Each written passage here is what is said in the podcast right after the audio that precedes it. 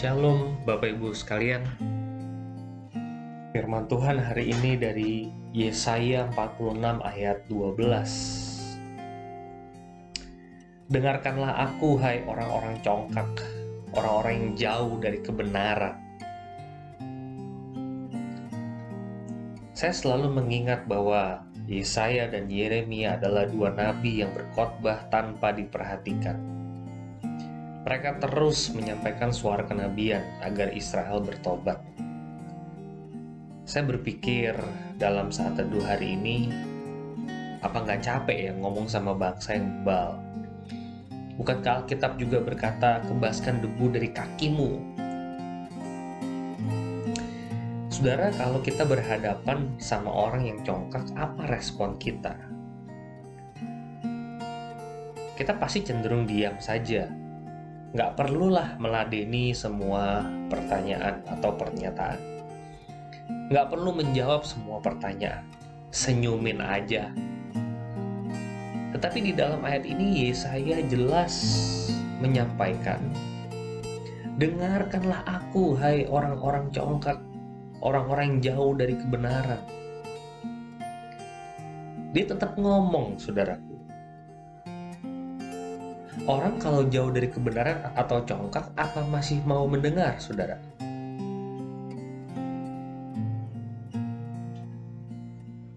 Bayangkan Anda melayani sekelompok orang di kelompok kecil. Anggota kelompok itu tidak mau mendengarkan Anda. Anda tanya mau didoakan apa, di read doang. Anda sharing panjang lebar, mereka read doang. Paling-paling hanya satu orang yang, yang menjawab engagementnya begitu kurang. Apakah Anda masih mau melayani mereka? Buat apa melayani mereka kalau tidak efektif? Di dalam pembacaan Yesaya hari ini, saya kembali diingatkan, selama nafas berhembus di hidung saya, saya harus tetap melayani. Saya disadarkan bahwa yang terpenting acap kali bukan efektivitas, tapi kesetiaan kita harus menunjukkan kasih setia secara kontinu.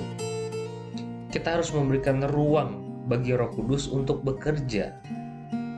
Yesaya dan Yeremia melakukannya berpuluh-puluh tahun sampai mereka mati. Mereka tidak pernah melihat buah dari pelayanannya. Tapi ngomong-ngomong, apakah kita perlu dan harus melihat buah pelayanan kita? Dengan tidak bosan-bosan, saya mau mengatakan, Kitab Ibrani mencatat para nabi tidak pernah mendapat apa yang dijanjikan. Mereka melayani, berkhotbah, ditolak sama umat. Mereka tidak pernah atau jarang melihat pertobatan umat. Mereka adalah hamba-hamba yang tidak berguna. Mereka hanya menjalankan apa yang harus dijalankan dengan berat hati saya merefleksikan. Mari kita bersabar. Bersabar kepada orang lain adalah kasih, bersabar kepada Tuhan adalah iman, bersabar kepada diri sendiri adalah pengharapan. Mari kita mendoakan orang-orang di sekeliling kita. Siapa yang kita anggap congkak di sekeliling kita?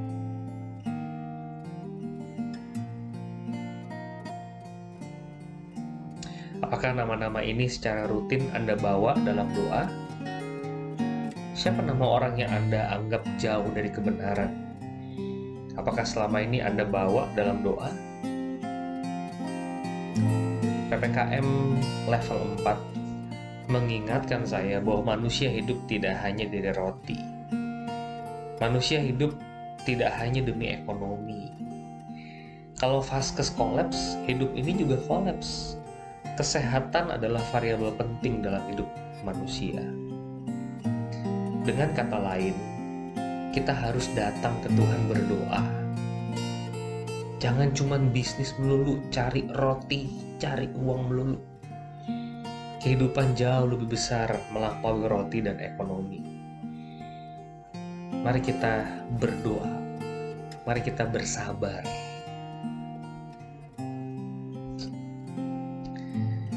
Ya Allah, Engkau tahu nama-nama yang mengganggu hati kami, menjadi batu sandungan buat hidup kami.